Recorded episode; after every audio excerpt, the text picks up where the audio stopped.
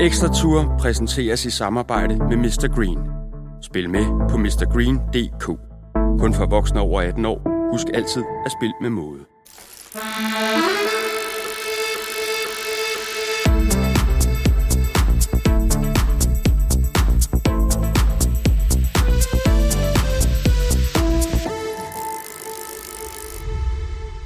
Velkommen til Ekstra Tour, Ekstrabladets podcast om Tour de France. Mit navn er Jakob Stalin, og jeg vil efter hver etape invitere indenfor i vores lille studie, hvor jeg får besøg af gæster. Nogle af dem fra cykelsporten, andre bare med en interesse for den. For det her, det skal være godt selskab, fascination af og kærlighed til Tour de France. Den har jeg selv. Jeg har dækket løbet 10 gange i Frankrig, lavet podcasts og tv om løbet, og jeg glæder mig til at dele glæden ved verdens største cykelbegivenhed med jer.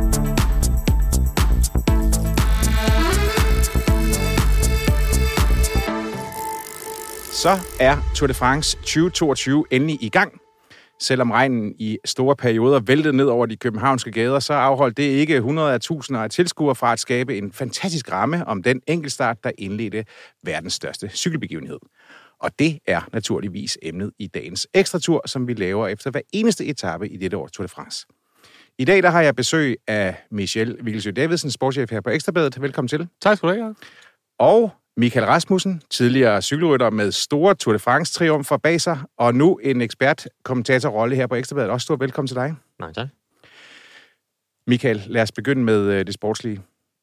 Øh, Yves Lampard, han blev en øh, for mange meget overraskende vinder, og øh, Mads P. og, og Jonas Vingegaard, de kom begge to i, øh, i top 10. Hvad lærte vi i dag, og hvad får det af indflydelse de kommende dage, sådan som du ser det? Jeg synes i virkeligheden, at øh, hvis man kigger ned over top 10, så, øh, så er der ikke mange overraskelser. Man kan sige, man kan altid ændre lidt på rækkefølgen. Øh, men jeg tror rigtig meget af det, det har også lidt at gøre med de betingelser, de havde at køre i. Ikke også? Øh, Lampard, han lod altså til at have øh, lige en tand tørre veje på derude, og der kan man, der kan man godt få 5 sekunder foræret, fordi jeg, jeg tror nu alligevel, at, øh, at de fleste havde solgt den til Wout van Aert, ikke også, da han, da han slog Garner. Øhm, så lidt overraskende, men altså, man skal ikke undervurdere, at der, der lige lå en tand mindre vand på vejen derude. Ikke også? Øh, men enormt op, opløftende at se Vingegård køre så afsindelig stærkt i dårlige betingelser. Bare lige for at vente det her med, øh, med regnen og så videre, så videre. Michael, tror du, at, øh, at de faktisk lavede en, en fejlkalkulering ved at lade de bedste starte tidligt? Jamen, altså man kan sige jo, at Garner, Pogacar og, og Wout van Aert, de startede lige efter hinanden, og de startede faktisk lige midt i feltet, kan man sige, ikke? også lidt over fem. Øh, og så det er jo sådan lidt tilfældighedernes spil, ikke? Øh, alle de har siddet i går og prøvet at lege meteorologer, ikke også? Øh, og, og det viser sig jo bare, at det er en, en fuldstændig håbløs opgave. Øh, så det, det er jo lidt tilfældighedernes spil, hvornår man havner henne i det her, ikke også? Men jeg kunne da godt tro, at hvis man havde valgt at starte efter klokken 6, så havde man mås- måske haft lidt bedre betingelser. Kan I ikke også lige fortælle, altså det her med, hvornår man startede? Fordi det var jo noget, de selv besluttede, det ikke rigtigt, Michael, eller hvordan? Jo, det er jo sådan, at, at, øh, at holdene starter jo i den rækkefølge, som deres bedste rytter har været placeret i året forinden. Men så vælger de jo selv, hvornår at deres mand skal starte. Altså, hvornår de placerer deres rytter. Så de sender jo i virkeligheden blot en startliste ind med otte navne på i prioriteret rækkefølge. Så de har siddet og kigget på, også på vejrudsigten og prøvet at se, om de kunne kalkulere sig frem til noget der? Ja, og, og, og eftersom jo øh, du ved, regnen skulle komme ud på eftermiddagen, så har der jo nogen, der har siddet og spekuleret i, hvis nu vi starter klokken 4, og regnen kommer klokken halv fem, så er vi home safe, ikke også? Og, og der kan man sige, der kunne man have måske fået 30-40 sekunder foræret, ikke også? I det tilfælde, så det var egentlig ret fint, at det begyndte at regne inden, sådan så alle havde nogenlunde samme betingelser at køre under. Men sådan var det jo ikke altid. Altså, der var jo en gang, hvor den, ham, der vandt, havde vundet året øh, før, han skulle starte som den sidste. Jeg kan da huske der, hvor David Zabriskie, han vinder en, øh, en enkelt start øh, på, på første etape, der hvor de kører ud på øh, Ile de Noirmoutier, hvor Lance Armstrong, han, han kører som den sidste, og, og der er vinden virkelig begyndt, og den står ind fra, øh, det er en, øh, det er en, øh, en lille ø, der ligger ud for Atlanterhavskysten, den franske Atlanterhavskyst. Og der var vinden nemlig øh, blevet kraftigere, da han skulle køre, og han skulle nemlig køre som den sidste. Ja, han, han vil så nummer to, Armstrong. Ja, lige præcis. Altså, han slået med to sekunder, jeg, tror jeg. Jeg husker det ganske, ganske udmærket som en forfærdelig dag. jeg skulle lige til at sige, det har ikke været, det har ikke været en god dag for dig, det der. Nej, jeg, jeg husker gerne stadigvæk nu her, jeg blev nummer 183 ud af de 189 startende, og, og det lykkedes mig at tabe tre minutter til Zabriskie på 19 km.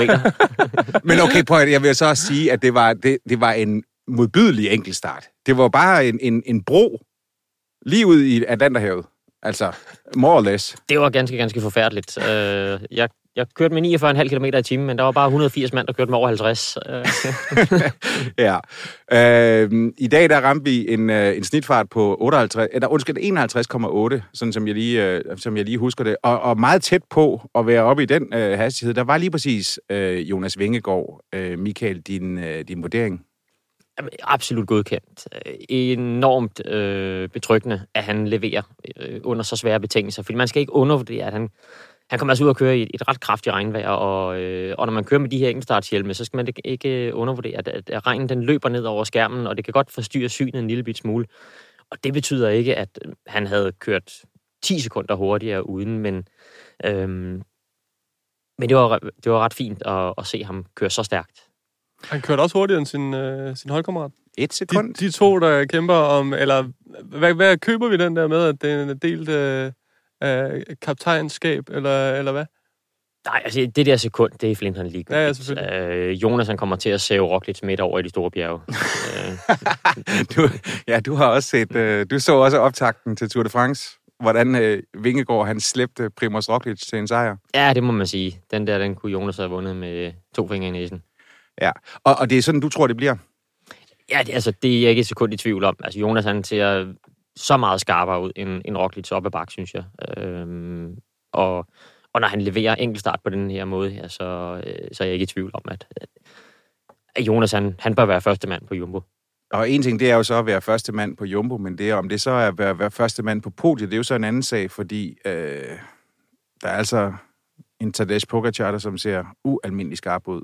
Ja, og det gør han jo altid. Altså, man må bare sige ham, den unge mand dernede fra Slovenien, han, han taber utrolig sjældent et etabløb, han stiller op i. Øh, der har han i den grad historikken med sig. Jeg tænker, du havde ham som favorit på forhånd. Ja, det, og det har jeg også stadigvæk. Jeg skulle lige sige, fordi, altså, og har du, er det nærmest udbygget? Nej, altså, fordi jeg synes stadigvæk, han, er, han, er, han var stor favorit før, og det er han stadigvæk efter i dag. Jeg skal også høre, hvordan du lige tolker, at Matteo Trentin måtte melde afbud øh, på grund af covid. Han var jo ellers øh, her i, i København, men som en vigtig hjælper, altså sådan en kapitan du route, fordi det er måske der, hvor at øh, Tadej Pogacar, han ser lidt svagere ud. Altså også i den, når man tænker på, hvad der kommer her i den første uge. I morgen, øh, der er øh, brosten og så videre, så videre. Hvad tænker du? Jeg tænker, det er flindrende ligegyldigt. Altså, jeg, jeg, hvis vi lige spoler tiden to år tilbage, så der var Pogacar, han var 21 år, ikke? og han blev fanget i sidevinden og havde et ualmindeligt ringehold, og han vandt stadigvæk. Jeg, Ja. tror, de var, jeg tror, de var tre mand til sidst, der kom til Paris, ikke? Øhm, på det hold, han, han havde der. Jeg tror ikke, han har, han har ikke behov for nogen kapitan de rute. Altså, der sidder nogle ret kapable folk nede i bilen bagved, og de skal nok fortælle ham, hvornår er, er vejen svinger, og der kommer lidt vind på næsen. Ja, ja. Jamen altså, det, øh, måske er det også bare mig og min lille klaphat, der prøver at finde et lille, øh, Jeg vil, jeg vil sgu gerne være med på den et lille chink in the armor. Altså, øh, der skal der, være- at, at den der brynje, den ikke kan være øh, altså, helt fantastisk hele vejen rundt. Men hvad, der, der, du ser ikke rigtig nogen svagheder? Nej, jeg, jeg, jeg tror, det er, det er ham, der skal tabe løbet, frem for de andre, der skal, der skal vinde det. Han skal ud og begå en fejl en eller anden dag. Øhm, altså måske altså, få spist eller drukket for lidt, fordi at lige pludselig så, øh, så bliver han isoleret og kommer måske for langt væk fra sine holdkammerater, eller for langt væk fra sin servicevogn. Øhm, og så ikke får nok øh, at spise og drikke i, i måske lige lidt for lang tid. Ikke? Øhm, fordi jeg tror, hvis, hvis det er sådan en, en mand til mand, så, så bliver han svær. Men kan man fremprovokere det? Jamen, det kan man jo. Altså, hvis nu, at, øh, at Jumbo, som jo har et ualmindeligt stærkt hold, og måske det stærkeste, altså, de skal ud, og det skal Ingers også, og, og lægge kollektivt pres på UAE-holdet. Øh, og der er jo nogle af dem, de jo godt kan, kan, køre, kan køre bagud på, på bjergene, men det betyder, at de skal bruge nogle bjerge tidligt øh, på etaperne, og, og de skal også bruge nogle folk på det. Altså, det bliver ikke gratis at, at sætte at sætte Rafael Majka og Mark Soler af op ad bakke. Det kommer til at koste nogle, nogle mand. Øh, men det er det, der skal til, hvis man skal, skal slå ham. Tænker du så også, at vi ret hurtigt øh, får altså den her en mere defineret kapita- kaptajnrolle på Jumbo Visma? Altså man kan sige, de skal jo lige op af et, et par bakker, før at den, den sådan er helt afklaret, ikke også? Og, og når de skal op ad Planche de BFI, det er jo ikke typisk et bjerg, der laver de helt store tidsforskelle. Det er relativt kort, og, og de kommer hurtigt ind på den, og det tager sådan cirka et kvarters tid, godt og vel i rød zone. Ikke? Øhm, Ja, det er mere sekunder end det er minutter, vi snakker der. Ja, altså, ja, hvis du spørger Jakob Fuglsang, så kan man godt tabe med minutter på det, ikke også? øh, det, det er sket før. Men altså, typisk så er der jo en, en, en teammand, der kommer sådan relativt tæt samlet til mål. Øh, så man skal måske lige lidt en tand længere hen, altså, men når vi har set de to, øh, eller måske allerede den første store alpeetappe, øh, så, så vil der være et, et klart hierarki på holdet, jeg er ret sikker på. Men må jeg spørge jer to, som er, øh, nok har endnu bedre forstand på det her end mig. Kan man overhovedet forestille sig, at Roglic være hjælperytter? Altså, jeg ved, altså Vingegaard meget ydmyg virker til, at, at han ligesom godt kan affinde sig med det her med, at hvis ikke han har øh, de bedste ben, så skal han nok køre for Roglic. Men kan man overhovedet forestille sig, at det er den anden vej rundt, at hvis Roglic han, øh, han taber nogle minutter, og han så vil køre øh, Vingegaards løb, eller hvad man siger? Det tror jeg nu sagtens. Okay. Øh, Jonas han har jo ved gentagende lejligheder offret sig for Roglic, og, og man kan sige, i, i Dauphiné, jamen, der, der forærede han ham nærmest sejren, ikke også? Så jeg, jeg er da ret sikker på, at Roglic, øh, som i øvrigt også virker til at være en, en, en meget ok og ydmyg fyr, øh, han vil stille sig til rådighed, ikke også? Øh.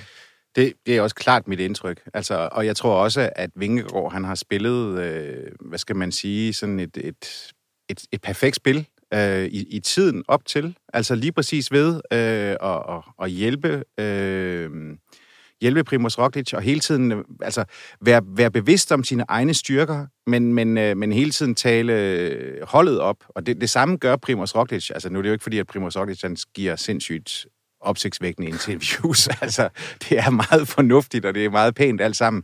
Men jeg har faktisk, mit klare indtryk er, at der er en klar øh, øh, og udtalt respekt mellem de to, og at øh, altså det her, det er... Øh, det er, det, det er ikke... Øh, det er ikke to strids øh, Nej, nej, overhovedet ikke. Overhovedet Heller. ikke. Men jeg tror, men der er jo også forskel på, at du kan jo sagtens øh, opretholde en god relation, så længe ham, der ligesom er, hvad kan man sige, den største egoist, han stadig også er den, der er, altså, får lov at bestemme. Men hvis, øh, hvis, den, øh, hvis det magtforhold lige pludselig tipper, så det er øh, Vingegaard, der ligesom skal, er, den, er den stærkeste mand, kan og det der, hvor jeg ikke ved, det der ved I bedre end mig om Roglic. Han er, han er ydmyg nok, han er, han er klar til også at, at indtage en hjælperytter. Han er ikke banner endnu. Altså, Det er jeg slet ikke indtryk af, at han- han er overhovedet på nogen måde. Vel? Altså, og, og, og hvis det kommer dertil, jamen, så er det jo bare så vidunderligt, det her cykling op ad bakke, at Så kører man bare frem. afstanden, den måles jo. Øh, og så kan man jo lynhurtigt se, hvem det er, Ja der har benene, ikke også? Og, og jeg tror stadigvæk, at, øh, at hvad der skete i Dauphiné, den, den har sat sig hos Roglic. Han ved udmærket godt, at, at Jonas han kørte og ventede på ham. Nu kom øh, Jonas Jo Vingegaard jo så ind øh, 15 sekunder efter Yves Lampard. Øh, stort set samme tid som øh, Mads Petersen, som jo også havde udsat, udset sig den her enkeltstart i, i København som et helt stort mål. Øh, Michael, din vurdering? Øh, en syvende, 8. plads. Jeg kan ikke lige... Jeg tror, det er der omkring. Og i hvert fald 15 har været- sekunder. 6. plads, tror jeg, det løb til, ikke? Ej, nu, ja, nu det, den, den finder jeg. Så snakker I bare videre. Men hvis det er sådan, vi nu bare lige tager udgangspunkt i øh, Mads Petersens præstation, hvad, hvad, er, hvad, hvad fælder du af dom? Absolut godkendt. Øh, jeg havde ikke forventet, at Mads Petersen han havde vundet i dag. Øh, måske kunne han have kørt i, i top 3, hvis alt det bare havde flasket sig for ham, ikke også? Øhm, men altså, det, der, det er jo ikke overraskende, at han bliver slået af, af Garner og, og Wout van Aert. Vel? Øhm, måske overraskende, at Van der Poel kører så stærk en enkeltstart. Øh, det lover jo rigtig, rigtig godt for ham. Og, og hans køreløst, ikke? Øhm, og, og, og rigtig, rigtig skidt i virkeligheden for Mads P's muligheder for at tage en gul trøje i løbet af de første dage her. Du havde ret, han blev, han, han blev nummer 6, og i samme tid som Vingegaard, men på 100 del af sekunder. Men, men lad os bare lige for at vende den her mulighed, altså det, nu havde vi alle sammen sagt, du ved, jamen altså, øh, er han bare inden for 10 sekunder, og med de bonussekunder, der er, der er jo 10 sekunder for en, øh, for en sejr, og øh, 6 sekunder for en anden plads, og 4 sekunder for en tredje plads. Hvad tænker du? Jeg tænker, det er umuligt. Øhm, han skal jo vinde både lørdag og søndag. øh, uden, uden at der er nogen andre af dem her, der får nogle sekunder. Og, og det er jo ikke, det er ikke sandsynligt, vel? Øh, altså, fordi vi ved jo udmærket godt, at både Van der Pol og Wout van Aert, de kan godt finde ud af at køre spurter. Og, og de slår mig heller ikke lige som typerne, der bliver sat på vej hen og er over Storbæltsbroen. Nej, ikke. Okay, så vi skal skyde en hvid pind efter den drøm.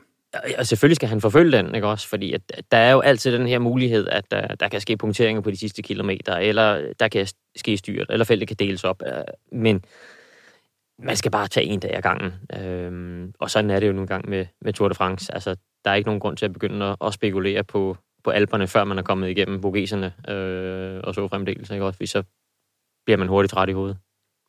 Hvad tænker du om øh, altså Mads Petersens, hvad skal man sige, sådan rolle, eller sådan hans rangering i hierarkiet? Fordi det her, det er jo altså også et, øh, et sprinterfelt af, af ypperste karat.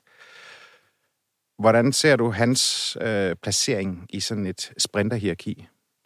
Den er høj, men den er jo ikke helt på øverste hylde, vel? Fordi der er jo nogle af de her rendyrkede øh, folk, som Caleb Ewan og Fabio Jacobsen, ikke også? Og, og vi ved også godt, når de ser målstregen, så kan de også godt få gang i cyklerne, ikke også? Og der plejer Mads jo at komme til kort i over, over for dem, ikke? Øhm, og de har jo selvfølgelig øh, helt enormt lyst til at køre spurt, både i, i Nyborg og i Sønderborg, fordi der er ikke ret mange muligheder i det her cykelløb øh, for dem. Altså, når, når de første dage her, de er kørt, så, øh, så var det længe inden der er noget for dem igen. Det gør det nemlig, fordi den, den første uge er jo i den forstand atypisk i forhold til Tour de France med, der er, der, ja, der er brosten, og så er, altså, det er bakket terræn, og så kommer La Planche de Belleville, og, øh, så der er, vi skal jo helt ned til nærmest transportetapperne øh, mellem alberne og pionererne. Ja, og det er nogle lange modbydelige nogen, øh, som jo kræver, at man sidder og, og forsvarer, eller vil køre en, et udbrud ind i måske over 200 kilometer. Og vi ved også godt, når vi når derned til, så er det ikke indianerudbrud på to-tre mand af, fra nogle, altså, af nogle kolde franskmænd, vel, som de kan køre tilbage, når det passer dem. Altså, så er det jo 10 mand, der virkelig kommer derhen af, der ryger i de her store udbrud. Fordi der er så mange ryttere, der godt kan se, at sandet begynder at rende ud af teamklasset, ikke også? Hvis de kan nå at have med, noget med herfra. Fordi, og holdene er ikke ved fuld styrke længere til at indlede den jagt? Nej, altså, man skal i hvert fald overveje rigtig, rigtig grundigt, om man har lyst til at sidde en hel dag og, og jagte. Fordi at det bliver hårdt. Altså, der er jo, det kan godt ske, at når de nåede ned imellem de her øh, alber pionerer, så er der transportetapper, men altså, så er det i kanten af Massif Central, ikke også? Og, og der er stadigvæk nogle, nogle buler på ruten, ikke? Øhm, som gør, at det bliver enormt svært for dem at, at kontrollere det, når, når først der er, er 10 mand, der ryger derud af, som godt kan finde ud af at komme op ad bakken.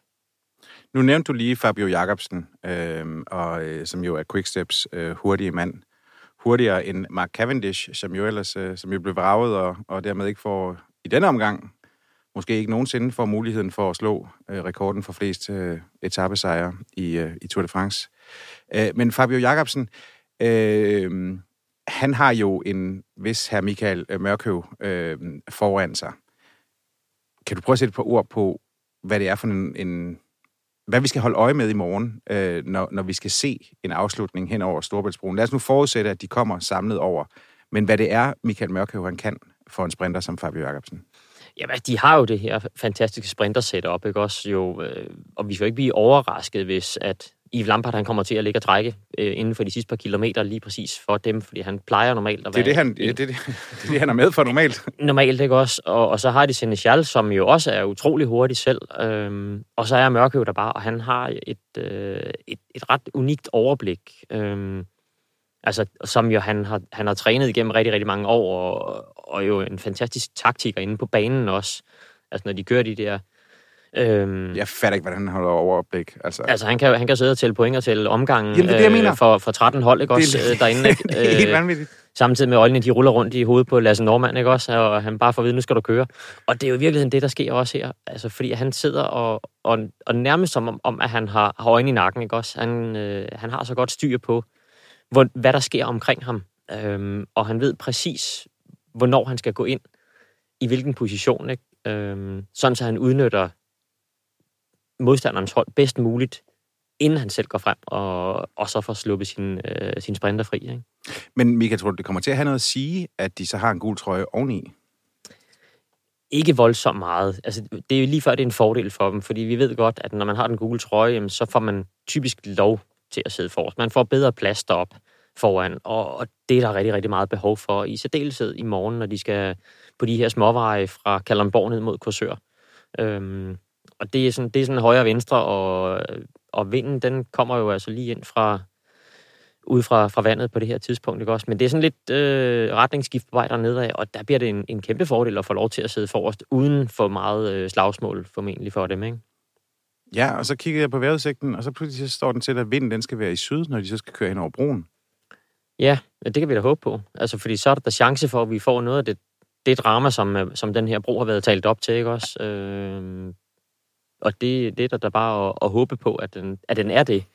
Øh, og, så, og så er det et helt andet scenarie, hvis den rent faktisk er i syd. Altså, fordi indtil for få timer siden skulle den være direkte i vest. Ja, jeg kiggede her lige inden vi gik ind, og, der, og, og, og, øh, og faktisk sådan med øh, pænt med vind. Mm. Altså, øh, og det er der jo typisk deroppe i 60, ja, og hvis 60 det er meters højde. så, er du sindssyg, mand, så når du kommer derop, men altså sådan også på, på lavbroen, så vil det da også være noget, og det tænker jeg, at det kommer til at kunne give et øh, fantastisk drama. Hvis det er tilfældet, så er det jo en, et helt andet scenarie, og så, så bliver det jo øh, et, et voldsomt slag på vej ud over broen på de sidste 20 km, og, og, og frem for alt frem mod den for at komme ind på broen i første gruppe. Ikke? Jeg kan med ro i sindet sige, at I også lige skal hjælpe øh, os, der ikke er 100% inde i den sidevind, ind øh, i det her.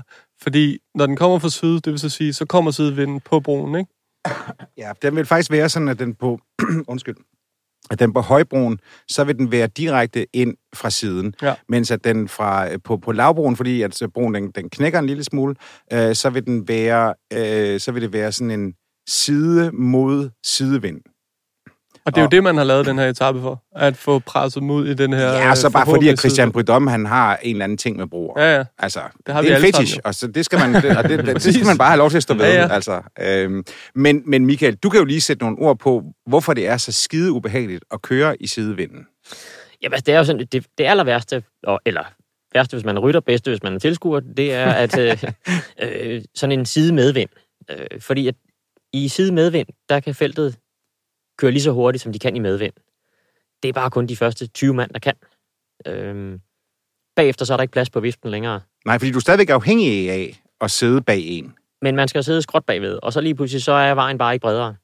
Øhm, og så er der ikke plads, og der er det altså de færreste, der holder længere end 500 meter, før, man, før den knækker. Og, og hvis det er tilfældet, sådan en side medvind, jamen så vil der ikke gå mere end to kilometer, så vil vi have et felt delt i fem grupper på vej udover. Når det er sidevind, så er hastigheden knap så høj. Det bliver svært at, at få feltet til at knække. Altså for det første, fordi at Tour de France-feltet, de, dem der er her, de her 100 og knap 80 mand, de møder alle sammen op, øh, og de har øvet sig hjemmefra. Ikke? De er veltrænede alle sammen. Og, og, og derfor så er Tour de France-feltet, det er bare, altså det er det stærkeste cykelfelt, man finder hen over hele sæsonen. Så der, er, der skal mere til, før at feltet knækker, fordi de alle sammen er så gode og så godt organiseret her. Øhm, og når det så er sidevind, og det er op ad bakke, så bliver farten ikke så høj, og, og så bliver det sværere at fordele feltet. Ikke? Hvorimod, hvis den var kommet sådan ind fra siden, øh, så havde det været altså, møgmodbydeligt. Vi får se, hvordan det kommer til at gå. Jeg tænker også, Michael, at hvis det er sådan, at man så er et dumt svin, så trækker man jo over til højre i vejen. Så, der, så den vifte, der nu er, den ikke er 20 mand bred, men den kun er 10 mand bred. Ja, måske. Altså, man har også behov for x antal rytter, der kan sidde derinde til at holde hastigheden høj. Øh, fordi hvis man ligger den så langt over i højre side, så der kun kan sidde fire mand på hjul, jamen så for det første, så er der, så er der ikke en otte mand, der kører rundt på viften. Og så på et eller andet tidspunkt begynder de også at blive trætte, fordi der er fire mand, der kører opad, og så er der fire mand, der kører nedad, og de ligger rigtig, rigtig tæt. Og slagsmålet for at komme ind der, det vil blive helt enormt, og hastigheden den vil ikke nødvendigvis blive høj nok. Så vil det være relativt nemt for andre hold at lægge sig parallelt med, når kun det er fire mand, der gør det. Men hvis det er sådan på en, en bred motorvej, som det jo er hen over broen, så er der jo faktisk plads til, at der godt kan ligge i hvert fald 10 mand på skrå ned af, af vejen. Og, og så sidder der jo også 10 mand på indersiden. Så er der lige pludselig 20 mand, der kører rundt, og så Ja. bliver hastigheden vanvittigt høj. Glæder du dig til i Giver det morgen? mening, Michel? Jeg, jeg glæder mig sindssygt bare. Det gav mening faktisk til sidst, Michael. Det var godt, du forklarede det for mig. Øhm, Nå ja, og man skal jo også være opmærksom på, at der kan jo altså også, fordi... jeg glæder mig også til bakkerne i morgen. Der, vi har jo tre, vi har jo, er det tre kategori 4 øh, stigninger? Ja, men det, jeg ved, og Det glæder mig, jeg, det som vidste jeg ikke, vi havde i Danmark. Som, som gammel bjergrytter, Michael, så ved jeg godt, så var du altid sådan, ah, for, for fanden skal det være sådan, en sådan en motorvejsbro, der giver øh, prikket bjergpoint, altså øh, på de første etaper. Du har, du kommer jo den vej derude af fra, altså du kender jo bakkerne derude i Vedinge Bakker og, og Asnes og sådan noget. Hvad siger du til dem? Jamen, det, ja, det gør jeg da. Altså, og, og det er jo præcis, som siger, det er bakker, og det er jo nærmest en motorvejsbro, når man kører ind over det i Tour de France-felt. øh, altså, det, det er ikke der, der er nogen, der lige pludselig parkerer ind i højre side, eller kommer, kommer i åndenød, vel? Øh, og slet ikke, når det, når det sker med 100 km til mål. Altså, hvis nu det havde været finalen deroppe, øh, så havde det været noget helt andet. Så havde hastigheden været anderledes, og så var der nogen, der var, be, der var beskilt fra. Men det er jo ikke noget, der, der på nogen måder øh, sådan deler feltet. Altså, men altså, dermed ikke sagt jo, at det ikke bliver spektakulært, for, fordi der kommer til at være så mange mennesker. Ja, jeg skulle til at sige, jeg glæder mig til menneskehavet. Det har vi slet ikke snakket om, hvor mange mennesker der var Nej, på... lad os vende det. Ja, for altså, det var helt selv vildt. i, altså, selv det der, i pjask regnvejr. Præcis. Michael fortalte, og nu øh, jeg, det nytter ikke noget, jeg giver ham mere taletid. Jeg har nærmest ikke sagt noget. i Nej, det program. undskyld, undskyld. Det gør ikke noget, det er dejligt. Hvad hedder det? øhm, Men du fortalte jo, Michael, at du, du kunne ikke gå i fred. Altså, øh, et af, jeg har jeg prøvet at gå ned og skulle aflevere en jakke til en af, en af mine øh, kollegaer. Det var rigtig øh, problematisk. Ikke fordi, at der var overhovedet var nogen, der kendte mig, men at du, du kunne ikke gå i fred. Og kunne ikke, altså, du blev stoppet konstant. Ja, det var, det var ret... Øh, altså, det, var, det var svært at være på arbejde, ja. vil jeg sige. Jeg, jeg, jeg, jeg, jeg, jeg, jeg kunne ikke stå stille og, og se noget i dag. Altså, jeg var nødt til at holde mig i bevægelse hele tiden for at...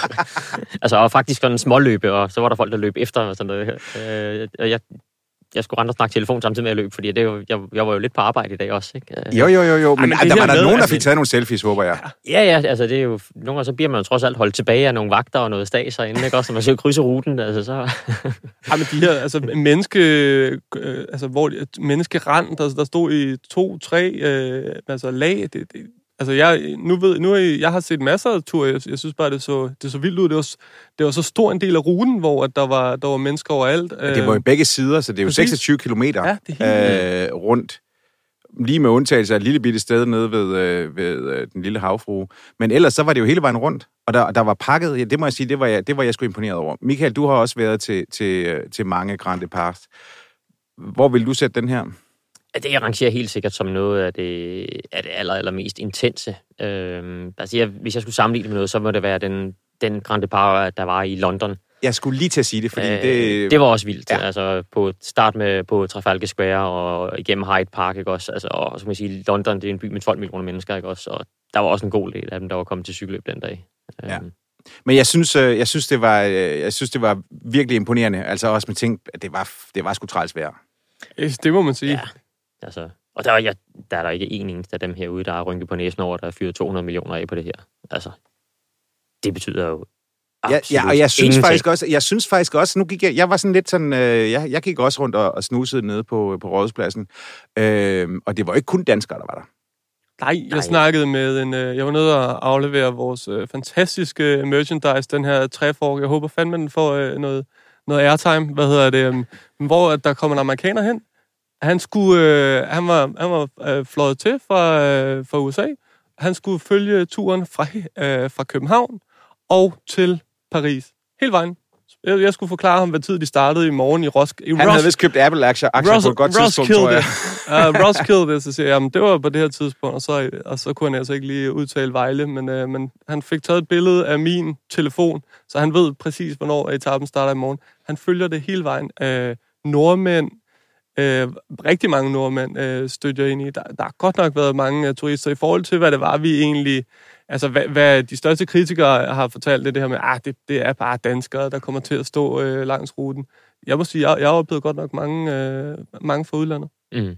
Ja, helt afgjort. Øh, Jeg rettede også ind i både svensker og hollænder Ja. og tyskere på hotellet. Kunne de også godt kende dig? Ja, ja, ja der var også nogle, der, Så må du løbe igen. der kom op i, i, i morgenmadsbuffeten der og skulle have selfie over rundstykkerne. Ikke også? Ja, det er fedt med sådan uh, birkes mellem tænderne.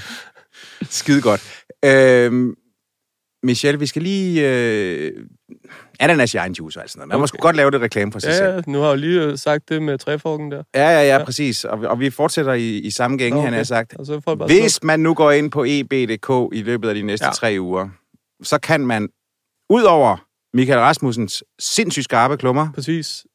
Og Michael Rasmussens vurderinger af samtlige etapper, og Michael Rasmussen, han kommer til at være øh, mange steder på, øh, på vores site og vores avis.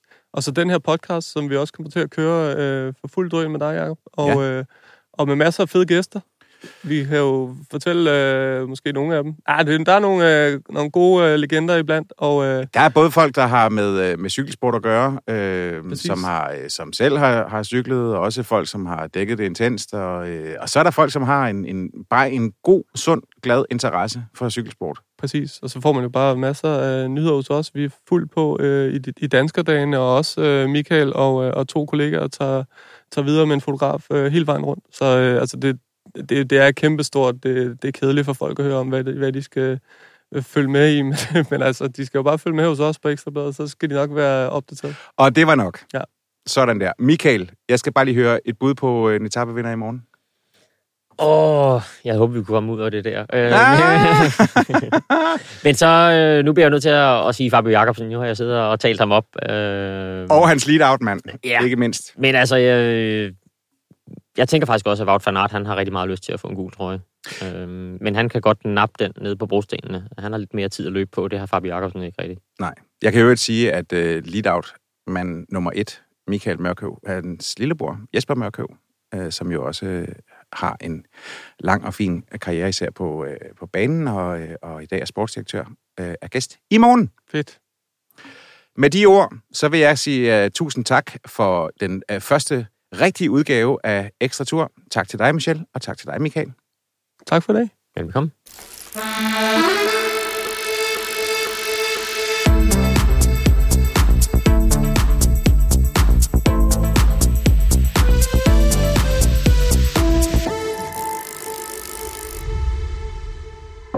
Ekstra Tour præsenteres i samarbejde med Mr. Green. Spil med på mrgreen.dk. Kun for voksne over 18 år. Husk altid at spille med måde.